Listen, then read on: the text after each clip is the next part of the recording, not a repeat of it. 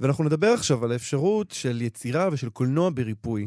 ואנחנו נעשה את זה עם יונתן ניר, במאי אה, דוקומנטרי ומומחה לדוקותרפיה. שלום, יונתן. שלום.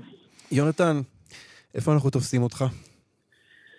אתם תופסים אותי ברמות מנשה, שזה אזור שהוא יחסית אה, בטוח, אבל אה, אתה יודע, הלב נמצא היום עם כל בן אדם שאיבד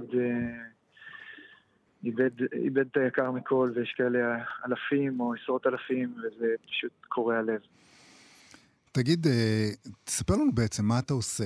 מה, מה, מה זאת אומרת אה, אה, יצירה וקולנוע בריפוי? מה, מה זה אומר? ת, תפרוט לנו את זה ל, ל, למילים. הרעיון של דוקותרפיה התחיל עם איש יקר מאוד שקוראים לו יורם בן יהודה, שהיה ראש היחידה לתגובות קרב הרבה מאוד שנים בצה"ל. אה, וממש לפני יומיים שכל את בנו אה, איתמר בן יהודה, זיכרונו לברכה, אני לא מאמין שאני אומר את המילים האלה. אה, ויורם בעצם היה מהראשונים, לפחות בארץ, שהבין שכשעושים סרט דוקומנטרי, אז בעצם מעצבים נרטיב, מעצבים מציאות לאדם שאותו מצלמים. כן.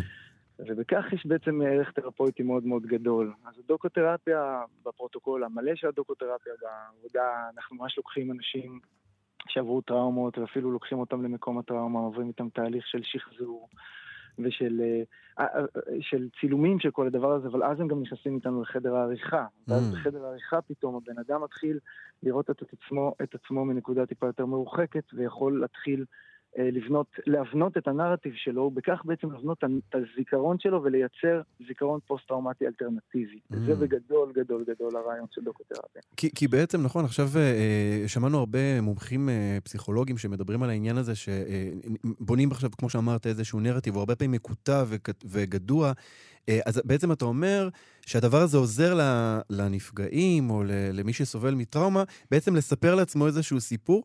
הסיפור הזה, אגב, הוא, הוא חייב להיות באיזשהו אופן נאמן למציאות, או שזה באמת יכול להיות, כמו שאמרת, גם איזה משהו אלטרנטיבי כזה שהוא יכול להיעזר בו, שיהיה בשבילו?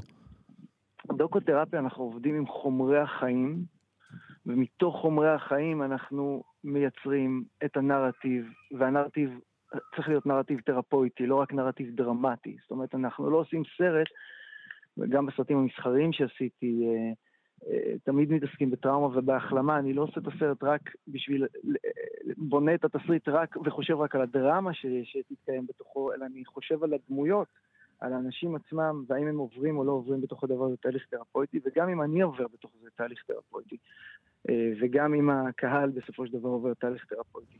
עכשיו, בגדול, כל הסרטים, או הרבה מאוד סרטים דוקומנטריים, יש בהם סיפור על אדם שנתקל בקושי מאוד מאוד גדול, ואז מתוך ההתמודדות עם הקושי הוא צומח, גדל. נכון. זה נקרא צמיחה פוסט-טראומטית. עכשיו, אני לא יודע איך זה רלוונטי לימים האלה, אנחנו לא, לא במקום הזה בכלל. אני, אני רק יכול מאוד להתחבר למה שאחד מכם אמר בהתחלה, אה, כמו שדימויים אודיו-ויזואליים, סרטים, תמונות, אפילו טקסטים, אה, יכולים לעשות נורא נורא טוב לנפש האדם, יכולים לעצב את תודע, תודעתנו לכיוונים מיטיבים, אה, והמון אנשים, בהמון מקומות עשו בזה שימוש, אתה יודע, גם מנטרות זה, זה איזשהו משהו אה, לא, לא ויזואלי, אבל יש פה איזה אודיו שאתה חוזר ואתה מעצב לעצמך תודעה.